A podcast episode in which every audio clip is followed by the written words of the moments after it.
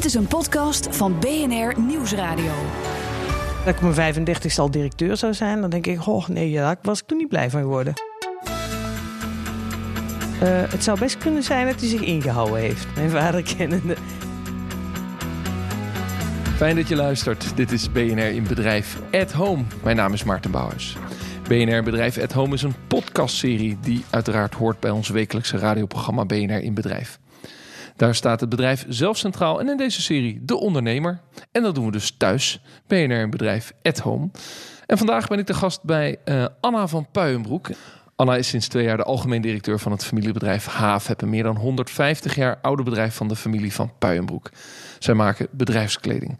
En wij focussen ons in de komende serie op ondernemers die een radicale keuze hebben gemaakt om iets nieuws te doen. Om daarmee het bedrijf en soms ook zichzelf opnieuw uit te vinden. Um, ja, jij wilde eigenlijk aanvankelijk helemaal het familiebedrijf niet in. Nee, dat wil ik echt niet. Nee. Um, ja, wordt mij dikwijls vraag gesteld, hè, waarom wilde je dat dan niet? Ik denk dat mijn vader was natuurlijk een voorbeeld, hard werken, weinig thuis. Ik denk, nou, daar, wil ik niet. Ik ben liever wel uh, s'avonds thuis. Um, en misschien is het ook een soort groeiproces waar ik in ieder geval toen ik de middelbare school afging nog niet klaar voor was. En dat ik dacht van, uh, ja, kan ik dat wel managen? Uh, Zo'n verantwoordelijkheid voor een bedrijf en voor al die medewerkers. Lukt me dat wel? Uh, dus ik denk dat ook een stukje vanuit onzekerheid gegroeid is in der tijd. Maar dan ga je op een ander werken, je gaat studeren. Dan krijg je ook weer ervaring. En ja, op een gegeven moment dacht ik van, nou, misschien kan ik het wel. En uh, heb mijn vader gebeld. Ondernemen is continu blijven innoveren. Daar gaan we het ook in deze podcast over hebben. Het zou een dagtaak moeten zijn, maar veel ondernemers komen er ja, ook door de waan van de dag niet of nauwelijks aan toe. Welk bestaansrecht heeft de onderneming als je niet innoveert? Uh, hoe kun je het bedrijf wel laten groeien en welke trends hebben grote invloed op de onderneming? Daar ga ik samen met Centraal Beheer antwoord op geven. Deze podcast maak ik samen met de persoonlijke verzekeringspartner uit Apeldoorn. Ze helpen heel zakelijk Nederland vooruit en dat doen ze met een breed scala aan diensten die dus bijdragen aan de groei van ondernemers. En dus ook groeien door vernieuwing. We zitten in Turnhout, want jij woont in België, dat is ongeveer 20 kilometer onder de Nederlandse grens. Uh, vanuit Tilburg naar het zuiden. Het bedrijf zit in Gordel, dus je woont eigenlijk vlak bij je werk. Uh, uh, maar we zitten in Turnhout uh, en daar ben jij opgegroeid. Je, je, weet niet anders dan dat je in België woont eigenlijk. Ja, eigenlijk. Volgens mij een van mijn eerste herinneringen is de verhuizing geweest. Dat was tussen de eerste en tweede lagere school. Ik weet niet welke groep dat is tegenwoordig. Ja, en daarna eigenlijk al mijn herinneringen zijn inderdaad vanuit België. Ik heb uh, al mijn scholen hier gedaan, gestudeerd hier. Dus, uh... En het is een prettig huis, zoals uh, veel mensen die wel eens in België over de grens zijn geweest, dat we kennen. Ruime wijken, veel groen, allemaal verschillende woningen. Want ja. een Belg is geboren met een steen in zijn maag. Absoluut. En iedereen bouwt zijn eigen huis. Iedereen bouwt zijn eigen huis. Ja, en dus dat heb ik niet gedaan trouwens. Zo, zo Belgisch ben ik kennelijk nog niet. Maar... nee, precies. Je kon het kopen, daar was je blij mee. en het is ruim, het is licht, moet ik zeggen. Een, een, fijne woonkamer met een mooie uh, design, uh, designbank, lekkere grote keuken. En, en heel rustig. Ik bedoel, we zitten hier al een half uur aan tafel, zo voor het gesprek een beetje te praten. Ik heb nog geen auto gezien. Nee. Er nee. gebeurt hier niks. Er is geen doorgaande weg, dus het is echt heel rustig. Ja, ja. precies. Maar tegelijkertijd uh, ook vlak bij het werk. Um, je komt dus uit de IT-wereld. Ja. En toen heb je die overstap gemaakt naar een traditioneel uh, uh, familiebedrijf. Wat was, wat was de drijf om na je studie, uh, of voor je studie al, om zeg maar de technologie in te gaan? Je altijd een, een beta geweest? Ja, absoluut. Absoluut. Ik ben heel erg analytisch ingesteld en dat vind ik heel erg leuk. En ook zeker binnen de ICT ja, het, het, kijken naar bedrijfsprocessen en de businessanalyse is natuurlijk een hele, hele belangrijke factor. Dat is ook waar ik trouwens in doorgegroeid ben. Toen. Ja, terwijl je werktuigbouwkunde gestudeerd hebt. Ja. Dus je had ook nog een andere kant op kunnen gaan ja. dan, dan de IT. Ja, maar ik vond het wel leuk, uh, IT en, en businessanalyse. En uh, ik heb ontzettend lang over mijn studie gedaan. Ik heb een hele leuke tijd gehad, mag ik even erbij zeggen. Maar ik heb, ik heb gewoon tien jaar over die studie gedaan. Als je kijkt uh, wanneer ik afgestudeerd ben versus op het middelbaar versus de HTS. Ja, maar je zat niet alleen maar te lanterfanten. Nee, nee, nee. Ik heb hele leuke dingen gedaan. Ja. ik ben nog voorzitter geweest van de studentenvereniging als eerste vrouw. Uh, was ook heel leuk. Uh, nou, en dat soort dingen heb ik ook ontzettend veel van geleerd. Hè? Dus... Ik kan trouwens iedereen aanraden, want het lijkt dan heel lang. Maar als ik erop terugkijk, vind ik het nog te kort, denk ik. En hoe kijk je nou terug op die tijd dat je dan zo zeg maar in de informatietechnologie uh, aan, aan, de slag ging? Ja, dat is ontzettend leuk. Het was allemaal op uh, projectbasis. Dus je bent bij heel veel uh, verschillende bedrijven kom je binnen. Je mag heel veel processen analyseren. En dan bij mijn eigen bedrijven, die mij dan uitzond steeds, ja, daar krijg je op een gegeven moment meer verantwoordelijkheden. Je gaat naar een ander bedrijf waar je projectleider wordt. Je krijgt uh, wat bredere functies. Um, ja, en, en zo had ik eigenlijk voor mijn gevoel eigenlijk wel twee facetten te pakken. Eén, hè, kun je bedrijfsprocessen, vind je dat leuk om daarnaar te kijken, om die te verbeteren? En kun je zelf managen, kun je, kun je processen aansturen, maar kun je ook mensen aansturen. Ja, in die hele periode uh, dacht jij zelf, zoals je net zei, ik ga het familiebedrijf niet in, of misschien wel nooit in? Of, of uh, is er dan elke kerst zo'n gesprek met je vader? Uh, het zou best kunnen zijn dat hij zich ingehouden heeft, mijn vader kennende. Ik, uh, uh, nee, er was dus niet elke keer een gesprek, maar ik kan me wel voorstellen dat mijn vader daar wel behoefte aan had. Alhoewel hij ook wel aangaf op het moment dat ik dan zei van nou, mag ik dan toch nog komen? zij, ja, gaf je eigenlijk aan, goh, ik had me eigenlijk alweer bij neergelegd. je blijft me verrassen. Um, dus ik denk dat hij op een gegeven moment ook wel geaccepteerd had. En ook binnen het bedrijf was alles eigenlijk wel uh, ja, het was niet dat men zich klaar had gemaakt voor mijn komst of zo. Dus men was eigenlijk gewoon toch als een shock. Ja, positief shock. De familie blijft. Ja. Maar de Van Puijenbroek is een hele oude ondernemersfamilie. Ja. Dus, dus dan kan het toch niet anders dat familie, dat ondernemen zo diep in die familie zit, dat het dat daar vaak over gaat, dat het over de verschillende deelnemingen en de investeringen gaat. Ja. ja. Dat is ook zo. En daar gaat het ook de hele tijd over. Maar de rol uh, van, van um, investeerder of van betrokken familielid bij een van, je, van de bedrijven, is toch nog heel anders dan er dagdagelijks mee bezig te zijn.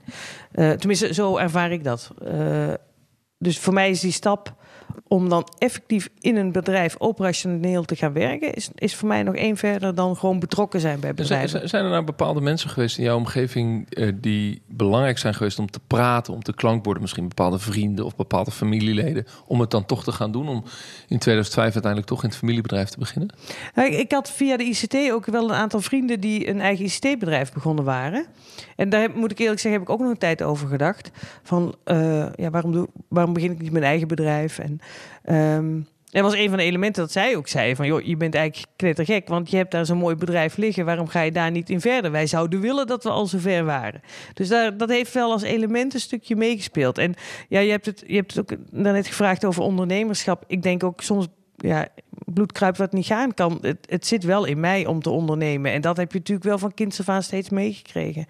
En daar ben je misschien als, als, als uh, tiener niet van bewust. Maar ik ben daar nu wel van bewust dat het ook een heel groot deel in de opvoeding zat. En dat je, hoe dat je naar bedrijven kijkt, hoe breed dat het is, wat die verantwoordelijkheid is, wat je dan moet doen. Was het ook gewoon nodig dat je wat ouder uh, werd om die verantwoordelijkheid te kunnen ja, dragen? Ja, voor mij geldt dat wel, ja. ja. Ik moet er niet aan denken dat ik al ik ben tegen mijn 35ste in het bedrijf begonnen. Maar dat ik mijn 35ste al directeur zou zijn, dan denk ik, oh nee, ja, dat ik, was ik toen niet blij van. Want je kon toen gewoon op een positie beginnen ja. om het bedrijf te leren kennen en gewoon aan het werk te gaan. Ik ben in de ICT in het bedrijf begonnen. Ja, dat is, natuurlijk wel logisch. Ja, ja, en ideaal. Want dat is typisch zo'n afdeling waar je alle andere afdelingen langs uh, moet. Dus ik leerde het hele bedrijfsproces kennen. Um, en met de kennis die ik had, kon ik natuurlijk ook heel veel kennis binnenbrengen. Dus ik kon ook ja, scoren, zeg maar. Dus dat is ook wel weer leuk. Dus wat een goede ingang. Dat kan ik wel uh, iedereen aanraden. Ja, en daar kwam je terecht omdat je vader belde en zei... ik wilde toch instappen. En was dan op dat moment ook direct duidelijk... Uh, dat je dan uiteindelijk ook de beoogde CEO wordt? Of algemeen directeur? Niet zo formeel, nee. nee. En als ik daar... Als, als er daar mensen waren geweest die hadden gezegd van dat gaat niet lukken of dat... Uh, uh, dat moeten we niet doen, dan was het ook niet doorgegaan. Dus, maar het was wel een eerste stap richting. Het was wel een eerste stap in een proces. Hij zei dus: je, je, blijft me verrassen, je vader. Wat zei hij verder? Sprong die gat in de lucht? Mijn vader, nee, ja, nee. Dat, uh, ik denk, maar inwendig wel. Ik, eh, ik denk dat hij het heel fijn vindt. Ja. Dus, uh, maar toen begon je, toen werkte u dus ook onder je ouders. Want die zaten nog in het bedrijf. Ja, nou, mijn vader is eigenlijk vrij snel weggegaan. Volgens mij ben ik november begonnen en heeft hij in januari het jaar erop afscheid genomen. Dus dat ging heel snel. Uh, dus ik heb eigenlijk ook altijd onder een, uh, ja, zijn mededirecteur gewerkt. Uh, en mijn moeder werkte wel, maar die werkte bij uh, de HR-afdeling. Dus die heb ik nooit echt rechtstreeks. Nee. Mm, nee. Uiteindelijk word je dan eerst commercieel directeur en, en later dan algemeen directeur. Ja. ja. Um, nou, nou zei je net, die ICT-vrienden van mij, die, die zijn nou wel jaloers. En ik heb al een bedrijf waar ik eigenlijk in kan starten. Daar sta, stappen. Daar staat tegenover dat zij de kans hebben om echt een bedrijf te gaan bouwen. Jij moet het eigenlijk doen met een vijfde generatie familiebedrijf met allerlei legacy en allerlei uh, ja, dingen die altijd al, al zo gaan. Uh, heb je daarover nagedacht van ja, als ik dan zo ondernemend ben, misschien wil ik wel mijn, mijn eigen ondernemingen gaan beginnen in plaats van die trein oppakken die maar rijdt? Dat zag ik toen zeker zo niet. Dat, um, ik, ik, moet zeggen, naarmate dat je meer verandering en, en die trein moet gaan omdraaien. Want er is natuurlijk in de afgelopen jaren eh, richting internet en dat soort dingen heel veel gedaan, wat ook impact heeft op, op onze markt. Uh, maar er zijn natuurlijk wel momenten geweest dat ik dacht van, oh, kon ik maar van scratch beginnen. Um, maar goed, dat is niet mijn realiteit. Dus uh, ja, ik sta er niet heel lang mee stil. En denk ik, ja, oké, dat, is, dat is leuk bedacht. Maar we moeten toch verder met wat we vandaag hebben. Nou, en daar is, hè, waar we in de uitzending over hadden van... die 150 jaar oude start-up is nou precies daaruit ontstaan. Van, ja, we moeten respect hebben voor het verleden. En daar zit ook heel veel kennis. En dat is eigenlijk heel waardevol voor ons. Dan hoef ik niet eigenlijk bij te zeggen. Dat is gewoon heel waardevol voor ons. Desalniettemin hebben wij ook te maken met internet en met webshops en met veel uh, grotere markten daardoor. Waar, daar moeten wij ook wat mee. Dus daar moeten wij ook op reageren. Dus wij moeten ook aspecten van het start-up zijn met elkaar gaan ontdekken. Nou, en die spanning, dat is eigenlijk een beetje wat we vandaag proberen. En heb je nou ook heel erg het idee dat dat jouw signatuur is? Dat, dat, doordat jij het bent gaan leiden, uh, dat jullie die richting op zijn gegaan. Door, uh, zoals we in de radio-uitzending hebben gezegd, een, een 150 jaar oud familiebedrijf leiden als start-up. Ja, ja dat, dat komt wel echt uit mijn koker. En dat is ook die ICT-achtergrond waarin ik dat heb mogen meemaken, hoe dat, dat werkt en wat daar de voordelen van zijn. Ja, om veel meer bij je klanten zitten, veel meer ja, vanuit je klanten denken dan vanuit je eigen productieproces. Hoeveel familieleden zijn er eigenlijk nog aandeelhouder? Uh, nou ja, 7, 8. En, en die hebben al vanaf het begin dat, dat idee in die richting uh, kunnen begrijpen of kunnen steunen? De, voor mij, ik ben de oudste van mijn generatie en daar uh, had men ook echt het idee van ja, dit is ook wat we moeten. En die hebben dat eigenlijk heel snel geaccepteerd. Of tenminste eigenlijk ook ja, mee ondersteund. de oudere generatie zit daar wel wat anders in. Um, en mijn vader bijvoorbeeld, die is, die is 75 en die ja, voor hem is internet ook iets wat hij niet heeft meegemaakt in zijn werkomgeving. Dus wat daar precies de impact. Man is slim genoeg om het te begrijpen, maar wat het dan echt daadwerkelijk voor iedereen op de vloer betekent en voor je markt en voor je werking. Uh, ja, daar, daar, staat hij wel wat verder vanaf. Maar hoeveel invloed hebben die andere aandeelhouders dan op, het, op de, laten we zeggen, de, de richting en de koers van het bedrijf? Ja, toch wel veel. Uh, we hebben het sowieso formeel geregeld met een eh, RVC. Daar zit ook altijd een familielid in, minstens één. Uh, momenteel zelfs twee. Dat hangt een beetje af. En je hebt een uh, stak? Nee, nee, we hebben gewoon aandeelhouders. En um, de, we hebben één à twee keer per jaar aandeelhouders. Ja, en de, ja, de reden dat ik dat... Het is, je hebt enerzijds natuurlijk de manier waarop je dat formeel geregeld hebt. En dat is allemaal prima. Maar het is familie. Die kom ik ook met kerstmis tegen, met verjaardagen en noem, en nou ja, noem maar op. Je gaat ergens uit eten, je komt elkaar tegen. En dan heb je het daar weer over. Dus er is ook een hele grote informele invloed natuurlijk. Die je met elkaar hebt. Gewoon omdat je familie bent en elkaar tegenkomt. Is dat lastig? Want, want diezelfde ICT-vrienden van jou met een start-upje, die hebben daar geen last van. Nee. Hoogstens dat ze een compagnon hebben, omdat ze dachten het is leuk om samen te beginnen. komen ze misschien ook wel van terug. je, elke dag met elkaar schaken. Maar uh, uh, is, is dat nou ingewikkeld? Want ja, jij ja. hebt uiteindelijk de handschoen opgepakt. Ja. Die zegt, ik, ik wil het wel leiden. Ja, ja dat is ingewikkeld. En nee, dat is ook heel fijn er zijn bijvoorbeeld dingen die. Kijk, ik weet toen. Mijn moeder werkt vandaag niet bijvoorbeeld in het bedrijf. Maar uh, in het verleden heb ik. Ja, ze heeft al vijf of tien jaar samen met mij gewerkt. Je hebt een aparte relatie met zo iemand. En die werkt ook nog eens in het bedrijf. Dus je hebt wel een hele eh, speciale vertrouwensband ook met iemand in een, in een onderneming. Dat hebben andere mensen niet. Dus dat is ook weer waanzinnig leuk. Um, er zijn ook momenten dat, dat pa zich met iets kon bemoeien. Dat ik denk van. Um, of mijn neef of mijn broer maar anderzijds zijn er ook momenten dat ik denk van ja, ik ga toch even bij hen te raden. En dan kan je ook wat opener en wat kwetsbaarder zijn. En jouw neef of jouw broer van dezelfde generatie, die hebben nooit uh, het idee gehad dat ze het wilden gaan leiden. Het is nooit een strijd geweest. Nee, het is nooit een strijd geweest. Nee. nee. Ik denk ook niet dat ze het idee hebben. Nee. Uh, maar goed, het is dus een voordeel en een nadeel. Aan de ene kant is het soms lastig, want het is familie. Dus je kunt ook niet zeggen, nou, klaar, deur dicht, ja, einde discussie. Ja. Want dan kom je elkaar met kerst Ja. En neem je het weer mee. Gezellig. Ja. Eh, eh, eh, en, en, het, en het voordeel is, ja, je hebt al altijd wel een soort van vertrouwens Ja. klankbord. Ja. Ja, en je... Ja, die persoonlijke relatie. Ja. Weet je, ik zeg altijd... De hoogtes zijn wat hoger en de diepte is misschien wat dieper. Maar gemiddeld komen we op hetzelfde uit. Je hebt ook altijd een sterke drijf gehad om zaken anders te willen aanpakken. Nou, dat doe je dus nu ook in het bedrijf. Ehm, je wil ook meer bijdragen aan de wereld om je heen en, en, en de maatschappij met het bedrijf. Hoe, hoe uitzicht dat? Je heeft dat ook echt een andere richting gegeven aan hoe jij het bedrijf leidt ten opzichte van ja, vorige generaties of hoe aan collega-ondernemers? Ja, wat we vandaag de dag bijvoorbeeld proberen is... Ik vind echt dat een bedrijf is een prachtige tool om de wereld te verbeteren. En dan met name nog in de textiel, want daar hebben we een hele internationale eh, keten, hè, supply chain, om, ja, we gaan gewoon heel ver in de wereld in. Dus we kunnen overal kunnen we een zaadje planten en iets beter doen.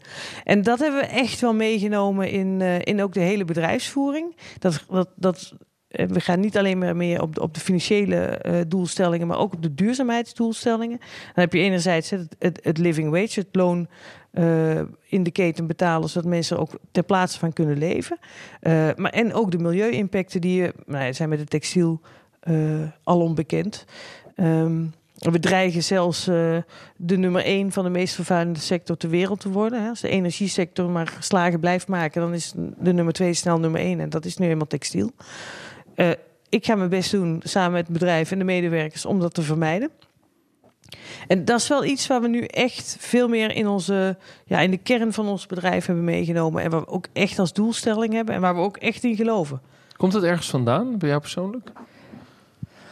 Dat heeft altijd wel heel sterk in het bedrijf gezeten. Ik moet zeggen dat wij altijd wel hele correcte werkgever zijn geweest. Ook in, de, eh, in, de, in onze ateliers, in de, in de first tier, de eerste eh, aanlevering. Ehm, mijn, mijn grootmoeder bijvoorbeeld, die had, eh, ja, die had bij een bezoek in ateliers in Tunesië... vond ze dat daar te weinig melk werd gedronken. Dus er werd ook wekelijks met alle eh gares en doeken en knoopjes... werd er ook melk meegestuurd. En eigenlijk nog heel lang hebben mensen nog melkgeld gekregen. Nou, zulke dingen zat er bij ons altijd gewoon in. Wat op zich heel Eh, grappig is, want melk drinken echt- is heel Nederlands. En er Ik- zijn heel ja. veel culturen waar melk helemaal niet gedronken wordt. Nee, ik drink zelf ook geen melk, dus ik vind het ook echt heel bijzonder. Het is Ehm, Het is een beetje stichtelijk. En, Een be- ja, eh, dat, zo, ja, dat zit er ook wel een beetje bij. Dat is een beetje een missie eh, met in al de Ja. betekenissen van het woord. Eh, en alles wat je daarbij kan voelen. Ehm, maar het geeft wel de intentie eraan. En ik bedoel, daarnaast werden ze ook gewoon beter betaald dan, eh, dan op een ander. Maar ehm, het heeft er altijd wel ingezeten. Maar het formaliseren, het ook echt als doelstelling zien... en het ook echt als je verantwoordelijkheid bedrijfsbreed zien... ehm, dat is denk ik wel nieuw. Dat is wel nieuw. Los van de verandering van het bedrijf eh, van een klassieke onderneming naar het runnen als start-up, waar we het in de radio-uitzending over hebben gehad, misschien het bedrijf eh, bovenaan de lijst zetten van, van, van duurzame textielproducenten. In, in Nederland.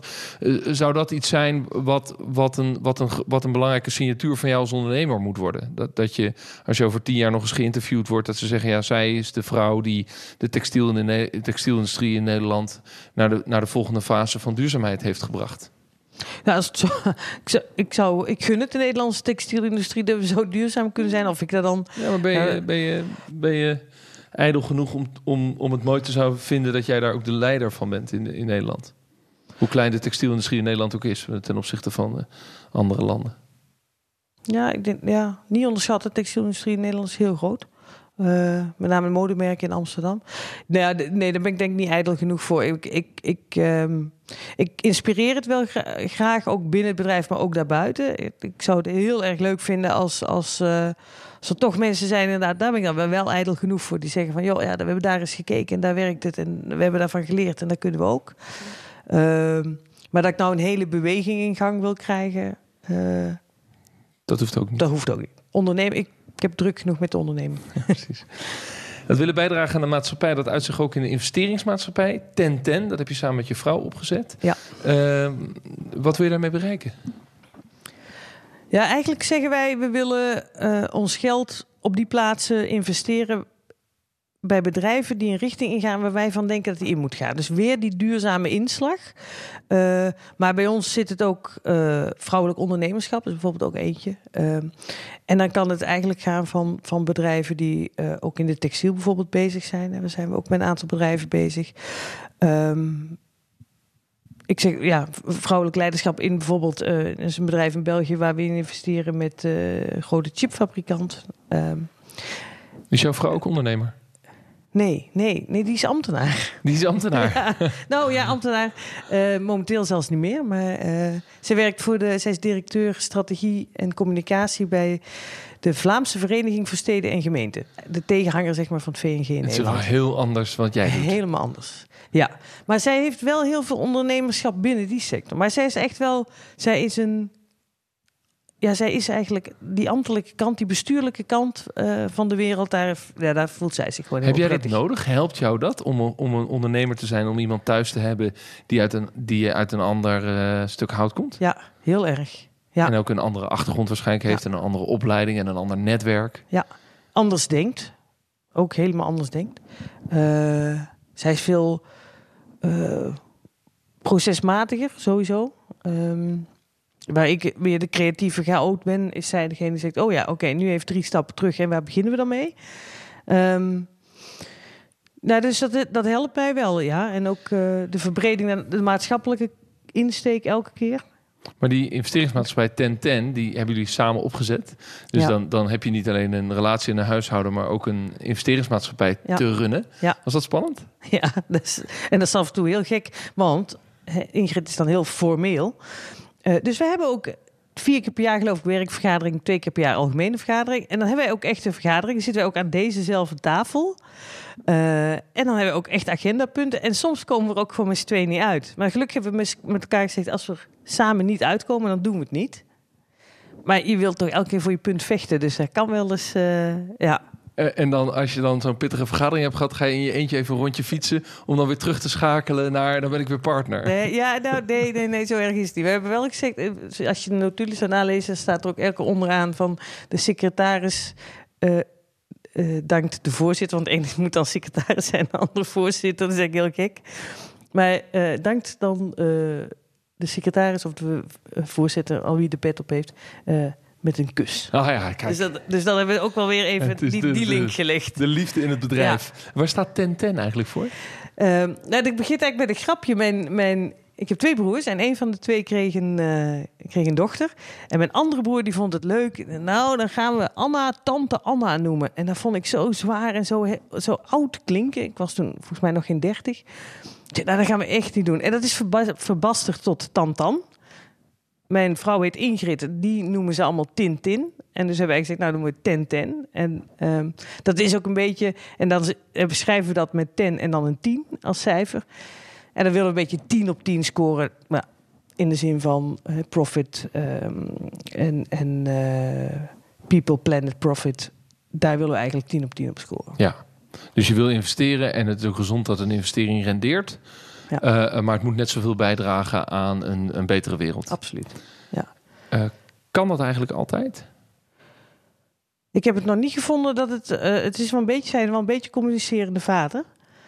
Maar wij geven daar wel mee heel duidelijk of aan van. Ehm, ja, je kan best een keer profit wat minder zetten om je people of je planet doelstellingen te bereiken. Nou, het grappige is, ik ontmoet eigenlijk twee soorten investeerders. Investeerders die zeggen. Um, als je juist investeert in duurzame bedrijven, die worden uiteindelijk rendabeler. Dus het is niet minder rendabel. Een van de voorbeelden is Patagonia. Ze zeggen ze super succesvol duurzaam bedrijf.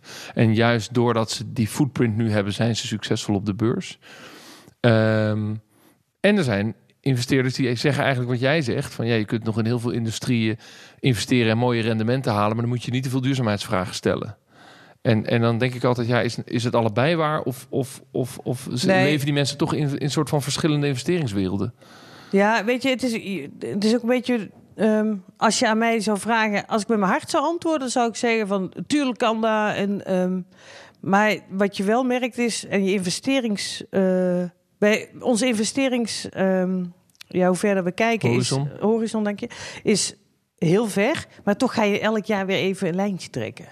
En daar zit het hem eigenlijk in dat je zegt van ja, vandaag de dag zijn we eigenlijk nog een beetje communicerende vaten. Of moet je soms uh, met wat minder profit uh, genoegen nemen om, uh, om andere doelstellingen te halen. Ik ben er absoluut van overtuigd dat het op lange termijn niet zo is en dat dan duurzaamheid gewoon veel meer oplevert omdat het de enige nieuwe normaal is waarmee Ja. de wereld verder Ja. kan. Ja, nou en bijvoorbeeld ook als je ehm, een elektrische auto rijdt, om maar wat te zeggen. eh, van nu, vanaf nu wordt, het, of van, nu wordt het misschien heel erg vanuit een duurzaamheidsoogpunt gedaan. Maar misschien gaat die olie wel echt op. Ja, dan zijn er ook weer andere mechanismen die gaan spelen. Ja, en de lastigheid is natuurlijk dat een oude benzineauto van, van 20 jaar oud, als we die nog 10 jaar doorrijden, is dat op zichzelf duurzamer dan dat we steeds nieuwe Ja. auto's bouwen. Ja. Maar goed, misschien moeten we op termijn wel meer duurzame Ja. auto's hebben. Ja, en we goed. kunnen ook nog heel lang praten over batterijen. Maar goed, als we er niet mee beginnen en er niet in investeren en er niet gaan innoveren, dan wordt die batterij nooit schoner.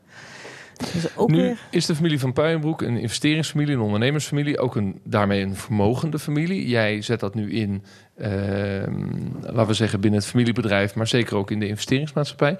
Vind je ook eh, dat, het, dat het jou een soort eh, extra, of, extra of andere verantwoordelijkheid geeft in de maatschappij of als ondernemer, omdat je ook een ondernemer bent met een vermogende familie achter je, dat dat iets, dat dat iets eh, een extra verantwoordelijkheid meegeeft? Ja, misschien, misschien wel veran- verantwoordelijkheid vind ik dan heel zwaar klinken. Ik, voor mij is er eigenlijk geen andere optie. Ik, voor mij, het past bij mij om het op deze manier te doen. En om, om dat ook in te zetten voor niet alleen jezelf, maar ook voor anderen. En om daar ook echt gewoon proberen om die wereld wat, wat te verbeteren. Niet dat die, we leven natuurlijk al heel goed, maar kan er altijd wat. Ja, dus dat, dat, is, dat, dat, dat past bij jou, dat is wie je bent. Ja, Eh, en de manier om het vorm te geven is onder andere via, via 1010. Ja. Dan dus die, die investeringen doen. Eh, eh, als je dan naar die horizons kijkt, los van de investeringshorizon, maar wat is de stip op de horizon wat je met 1010 zou willen bereiken? Als je nou, weet ik veel, tien jaar vooruit kijkt. 10, 10, 10. ja heeft, wat het is- een wat is soort, onze heeft, het een 10 op soort 10? mi- heeft het een soort missie voor zichzelf? Nee, ja, we hebben een missie, maar we hebben niet een hele goed, grote krijtlijn. We hebben de wereld duwen in de richting waarvan we denken dat die wil gaan, eh, moet gaan. Dat klinkt een beetje arrogant, want dat wil zeggen dat eh, mijn vrouw en ik dus samen eh, even die lat leggen van, nou, wij vinden dat die kant op moet gaan. Ehm, maar dat impliceert wel dat we gewoon ja, verbeteringen willen zien op sociaal vlak en op, op milieuvlak. Ja, dus dat is echt maar dat ik nou echt zeg Ja. van, nou ja, we hebben zoveel mensen aan het werk geholpen. Of we hebben zoveel mensen uit armoede gehaald. Of hebben, nee, zo, zo concreet hebben we het niet. Daarnaast heeft de familie zelf ook nog een investeringsmaatschappij. Met, met, met grote aandeelhouderschappen. Eh, daar zit je ook in de board, dat klopt, dat klopt toch? Hè? Nee, Van- nee, nee, niet. nee. nee, nee, Nee. oké. Ben je daar betrokken bij de keuzes? Niet meer. Niet meer. Nee, nee. Want dat, dat, dat, dat matchte niet meer met ook het leiden van, van HAVEP? Of waar- stond je niet meer achter de keuzes die gemaakt werden? Of? Ja, we hebben dat... eh, eh, ja, wel, we hadden dat toen op dat moment wel een inzichtsverschil. en eh, ben ik mijn eigen weg gegaan met Tenten. Ja. En Dus 1010 is ook eigenlijk Ja. een, een, een reactie op het feit dat je gestopt bent in de Ja. investeringsmaatschappij van. Van Puijenbroek. Ja. positieve reactie. Positieve reactie. reactie. En daar heb je ook geen aandeelhouderschap meer Nee. dan in. Nee, dat heb ik Dus gedaan. het he- helemaal losgeknipt. Ja. Dat was dus nodig om het voor jezelf eh, te, matchen met wat goed voelt voor jou. Ja, dat was voor mij nodig, ja. Daar heeft soms... God, waar ligt dat dan aan? Ehm, nou, ik denk dat als je vandaag zou kijken... dat, dat het niet eens zo ver uit elkaar ligt. Eh, maar ik ben de oudste van, van een generatie. En misschien wilde ik het allemaal weer wat eerder... en was ik weer wat ongeduldig. Zoals mijn andere mensen zeggen. Ehm, en dat het daar eigenlijk een stuk ook wat ontstaan is. Eh, dat voor mij allemaal wat lang duurt. En denk ik van, nou, dan doe ik het nu zelf. Als ik het met mijn oogharen naar kijk en je, en je hele verhaal zo probeert te doorgronden van... ik neem de tijd voor mijn studie, ik word lekker voorzitter van de vereniging... wat ik herken overigens.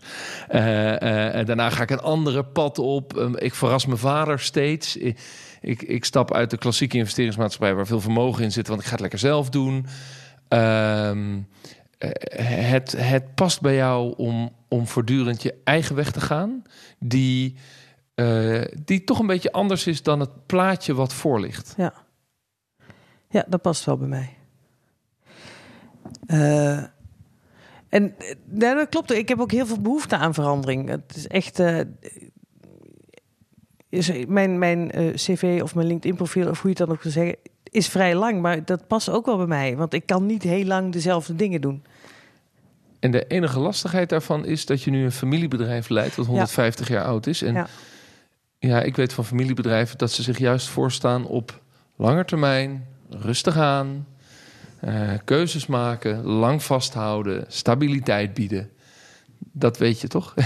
dat, dat, dat, dat, een beetje de signatuur van een familiebedrijf ja, is. Ja, dat Botst dat dan niet met jou, met de onrustige Anna die ook wil veranderen? Ja, eh, soms wel, maar dat ligt eraan natuurlijk hoe je het aanpakt. Want uh, wij hebben nu iemand. Uh, kijk, daardoor ben ik ook heel slecht in organiseren en proces, want het duurt altijd te lang. Uh, dat is mijn kracht niet. Dus daar moet je mij ook niet op inzetten. Dus we hebben nu ook intern een, iemand die uh, samen met het management de zaken organiseren. Daar word ik veel minder in betrokken. Maar wat wel mijn kracht is, is uh, ja, wat zijn dan die vernieuwingen? Wat, welke nieuwe dingen moet dat bedrijf dan doen? En um, mij daarvoor inzetten, daarvoor gebruiken, zeg maar. Ja, dan ontstaat er ook weer een kracht. En dan heeft het bedrijf rust, want die denken, nou, dat doet Anne, daar hoeven wij niet over na te denken. Ik kom af en toe binnen, nou, ik ben elke dag op de zaak, maar... Uh, ja, daardoor kun je ook de innovatie, denk ik, veel beter managen. Ik denk ook dat heel veel bedrijven, uh, de CEO veel te veel bezig is met het interne en veel meer extern zou moeten bezig zijn om te kijken wat er verandert, waar moet ik iets mee, wat kunnen we laten passeren en is het niet voor ons. Dat, dat zijn hele lange denkprocessen. Ja, daarvoor moet je constant buiten bezig zijn. En om, nou, dat, is, dat is nu mijn rol.